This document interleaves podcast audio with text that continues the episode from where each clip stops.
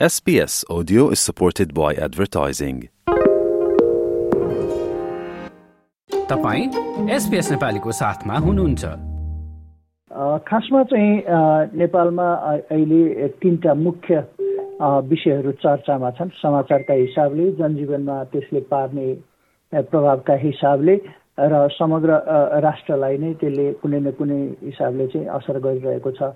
मैले भूकम्पको सम्झना गर्न चाहेँ जागरकोट र रुकुममा गएको भूकम्पको कारणले गर्दाखेरि केही मान्छेहरूको मृत्यु पनि भएको थियो र सँगसँगै सरकारले त्यसको राहत उद्धारको काम सकिसकेको छ र अहिले चाहिँ अब उनीहरूको अस्थायी घर पुनर्निर्माण अथवा अथवा अस्थायी बसोबासका लागि चाहिँ सहयोग लागेको छ। तर यसमा यो त प्रक्रियामा जाला तर विडम्बनाको कुरा कस्तो छ भने सरकारले उनीहरूलाई अस्थायी बसोबासको व्यवस्था अहिले गरिसकेको अवस्था छैन केही सङ्घ संस्थाहरू मिलेर अर्थात् त्यहाँका युवाहरू मिलेर त्यो प्रयास चाहिँ सुरु गरेका छन् तर मान्छेहरू मर्न थालिसकेका छन् चिसोको कारणले गर्दाखेरि। जुन क्षेत्रमा भुइँचालो गएको त्यो अलिकति लेक भन्छौँ भनेको अलिकति चिसो ठाउँ हो त्यहाँ चाहिँ वृद्ध वृद्ध साना बच्चाहरू त्यसमाथि पनि यो अलिकति रोगी वृद्ध वृद्धाहरू चाहिँ मर्न थालिसकेका छन्। अहिले भनेको भूकम्पकै कारणले भूकम्प आए पछाडि भूकम्पमा को संरचनाले थिचेर अर्थात् त्यसबाट मृत्यु हुनेको सङ्ख्या एउटा थियो भने अहिले दिनको दुईजना एकजना दुईजना मान्छे मर्न थालिसकेको अवस्था छ। तपाईँ र मैले कुरा गर्दाखेरि गए राति एकजना बच्चा को मृत्यु भएको छ। चिसोकै कारणले गर्दाखेरि त्योभन्दा अघिल्लो दिन दुईजना वृद्धहरूको मृत्यु भइसकेको छ। भनिसके पछाडि यो पनि अलि अलिकति चाहिँ यसले चाहिँ अर्को रूप लिने हो कि त्यहाँ चिसो बढ्दै जाँदाखेरि चाहिँ मृत्युको सङ्ख्या बढ्ने हो कि भन्ने छ। यसले पनि अहिले नेपाली सञ्चार माध्यम मात्र होइन यसले त अन्तर्राष्ट्रिय रूपमा पनि त्यसले अवश्य स्पेस पाइरहेको अवस्था छ। र सँगसँगै अर्को भनेको सरकारले गरेको एउटा निर्णयका कारणले गर्दाखेरि चाहिँ तपाईँको नेपाल र विश्व नै तातेको छ। त्यो भनेको टिकटकमाथिको प्रतिबन्ध हो। सामान्यतया हामी कहाँ एकदमै प्रचलनमा छ टिकटक किनभने त्यो अडियो भिडियोको सामग्री एकसाथ आउने भएका कारणले पनि होला सम्भवतः। आम मानिसले बुझ्दाखेरि टिकटक एउटा टुल्स हो प्राविधिक टुल्स हो। तर प्रयोगका हिसाबले हेर्दाखेरि हामी कहाँ यति धेरै युज टु भइसकेको रहेछ कि झन्डै झन्डै एक्काइस लाखभन्दा बढी मान्छे नेपालीहरू त्यसमा इङ्गेज रहेछन्। र सरकारले यो सामाजिक सद्भाव बिगारेको द्वेष फैलाएको अश्लीलता बढाएको भन्ने विविध कारण देखाएर चाहिँ सरकारले टिकटकमाथि चाहिँ प्रतिबन्ध नै लगायो। अहिले हामी कहाँ औपचारिक रूपमा भन्दाखेरि टिकटक चल्दैन। नेपालको टेरिटोरीभित्र अर्थात् नेपाल देशभित्र टिकटक चल्दैन। सँगसँगै विभिन्न देशमा टिकटक बन्द गरिएको छ भन्ने कारणले पनि त्यसको वकालत गर्ने गरिन्छ। तर यसको हरेक क्षेत्रबाट चाहिँ विरोध हुन थालिसकेको छ। सर्वोच्चमा एघारवटा रिट दायर भइसकेर त्यसको एउटा सुनवाई पनि आइसकेको छ र सर्वोच्चले कारण देखाउ आदेश जारी गरिसकेको छ। टिकटक किन बन्द गर्नु परेको भनेर र सँगसँगै अर्को चाहिँ यसले हिजो र आजको तपाईँ र मैले कुरा गर्दाखेरि हिजो र आजको कुरा गर्ने हो भनेदेखि प्रेस काउन्सिलले झनै सत्र अठारवटा युट्युब च्यानलहरूलाई बन्द गर्न स्पष्टीकरण सोधेको छ। किन बन्द नगर्ने? तिम्रा कन्टेन्टले सामाजिक सद्भाव बिगार्यो भनेर स्पष्टीकरण सोधेको छ। कृष्णजी हामीले यो चर्चा गरिरहँदाखेरि कहीँ न कहीँ कतै न कतै अब खुला सञ्चार माध्यम भनौँ या खुला माध्यमहरू जहाँ मान्छेहरू अभिव्यक्त हुन्छन् त्यो चाहे राम्रो चाहे नराम्रो जे भए पनि त्यहाँ चाहिँ मानिसहरू आफ्ना उत्पादनहरू राखेर अथवा अडियो भिडियोका सामग्रीहरू राखेर अभिव्यक्त हुन्छन्। ती अभिव्यक्त भएका प्लेटफर्महरूतिर चाहिँ सरकारले निगरानी बढाउँदै गएको निर नियन्त्रण गर्ने खालको चाहिँ काम गर्दै गएको भन्ने देखिन्छ। केही एकजना सरकारी अधिकारीलाई उद्धित गर्दै एउटा सञ्चार माध्यमले त। अब अरू सामाजिक सञ्जाल त्यस पछाडि अनलाइन प्लेटफर्म न्युज पोर्टलहरूमा समेत यसको निगरानी बढ्न सक्ने देखियो भनेर विश्लेषण गरेको छ। त्यसरी पनि अगाडि आएको छ। यो एकदमै पेचिलो छ। हालाकि अहिले हामी कहाँ चाहिँ भुइँचालोले मृत्यु भएको भन्ने समाचार किनभने त्यो मानवीय सङ्कट र त्यहाँ मानवीय क्षय भएका कारणले त्यो महत्त्वपूर्ण त्योभन्दा पनि ठुलो हाम्रो समाज मान्छेको अभिव्यक्ति स्वतन्त्रता अर्थात् मान्छे अभिव्यक्त हुने स्थान नै खोसिँदै गइसके पछाडि झनले त्यसले चाहिँ विकराल रूप लिएला। अर्को भनेको आजको कुरा। आज काठमाडौँमा दुई ठुला कार्यक्रम हुँदैछन्। अब केही हदसम्म यी दुईवटा ठुला कार्यक्रमलाई कार्यक्रमकै हिसाबले हेर्दाखेरि एउटा युवा सङ्घ नेपाल एमालेको भातृ सङ्गठन युवा सङ्घ नेपालले कार्यक्रम गर्न लागेको छ भने अर्को यो समाजका विभिन्न मुद्दा लिएर त्यस पछाडि यो राजतन्त्रको ओकालत गर्दै आएको दुर्गा प्रसाई व्यवसायी स्वास्थ्य व्यवसायी छ उहाँको अस्पताल पनि छ। त्यसकारण व्यवसायी दुर्गा प्रसाईले नेतृत्व गरेको अर्को कार्यक्रम छ।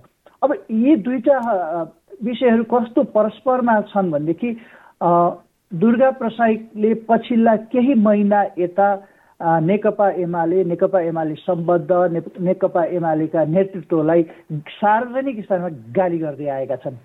र यहाँ त्यसैको प्रतिकार त भनिएको छैन तर प्रतिकार जस्तै हुने गरी चाहिँ नेकपा एमालेको भातृ सङ्गठन जुन युवा सङ्घ योभन्दा अगाडि युथ फोर्स भनिन्थ्यो युवा सङ्घले चाहिँ कार्यक्रम गर्दैछ।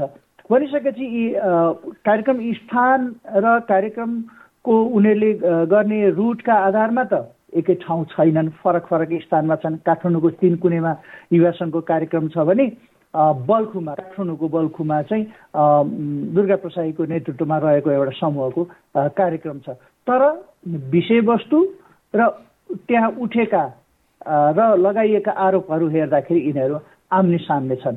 यहाँ दुईवटा कार्यक्रम व्यवस्थापन गर्नका लागि सरकारले सम्पूर्ण शक्ति प्रयोग गर्नु परिरहेको छ। अहिले सरकारका प्राथमिकताहरू फरक भएको बेलामा सरकारले अरू धेरै कुराहरूमा चाहिँ आफ्ना कामहरू गर्नुपर्ने बेलामा तपाईँको सरकारले आफ्नो शक्तिलाई चाहिँ यता खर्च गर्नु परिरहेको छ। यो एउटा पाटो छ।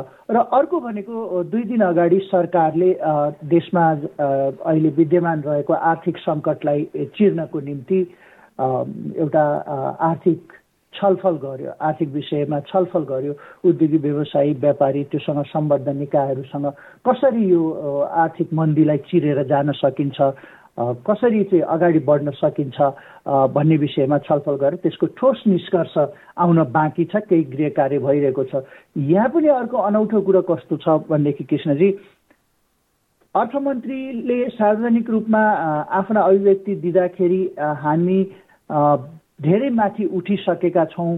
हाम्रो आर्थिक अवस्था बलियो बन्दै गएको छ भन्नुहुन्छ। तर प्रधानमन्त्रीले त्यही सा त्यही दिन एकै दिन बोल्नुभयो भने पनि त्यही दिन बोल्ने सार्वजनिक कार्यक्रममा हामीमा चाहिँ यो आर्थिक मन्दीको अर्थात् आर्थिक दबाब चाहिँ अझै हटेको छैन। हामीले यसलाई समयमै चाहिँ सम्बोधन गर्न सकेनौँ भने हामी जर्जर हुने अवस्थामा छौँ भनेर बोल्नुहुन्छ। यहाँ उदेक लाग्दो छ एउटै क्याबिनेटभित्र हुनुहुन्छ एकजना प्रधानमन्त्री एकजना अर्थमन्त्री हुनुहुन्छ। तर उहाँहरूको बोलीहरू फरक फरक छ। मुख्य गरी नेपालमा यी चारवटा घटनाले चाहिँ अहिले समाचारको हेडलाइनहरू विषयवस्तुहरू पाइरहेको अवस्था छ र यो सँगसँगै भर्खरै नेपाल र यमन बिचको चाहिँ एउटा छनौट खेलमा नेपालले हारेको छ। खेलकुदको प्रसङ्गमा कुरा गर्दाखेरि र अर्को भनेको नेपालले अहिले आगामी कोप ट्वेन्टी एटका लागि चाहिँ एक एउटा विशेष हिमालय क्षेत्रको विशेष मुद्दा उठाएर चाहिँ आफ्नो भिजन पेपर प्रस्तुत गरेर लाने भएको छ भिजन पेपर लाने भएको छ। यो धेरै राम्रो र हाम्रा लागि चाहिँ महत्त्वपूर्ण विषय हो किनभने संसारका दुईवटा ध्रुव पछाडि नेपालको हिमालय क्षेत्रमा भएको हिउँ बढी मात्रामा त्यो हिमालय क्षेत्रमा छ त्यस कारण यसलाई तेस्रो ध्रुव भनिन्छ थर्ड पोल भनिन्छ। यो हिउँ पग्लिरहेको अवस्था छ र यसले मौसमजन्य विपदको धेरै ठुला घटनाहरू नेपालमा घट्न थालिसकेका छन्।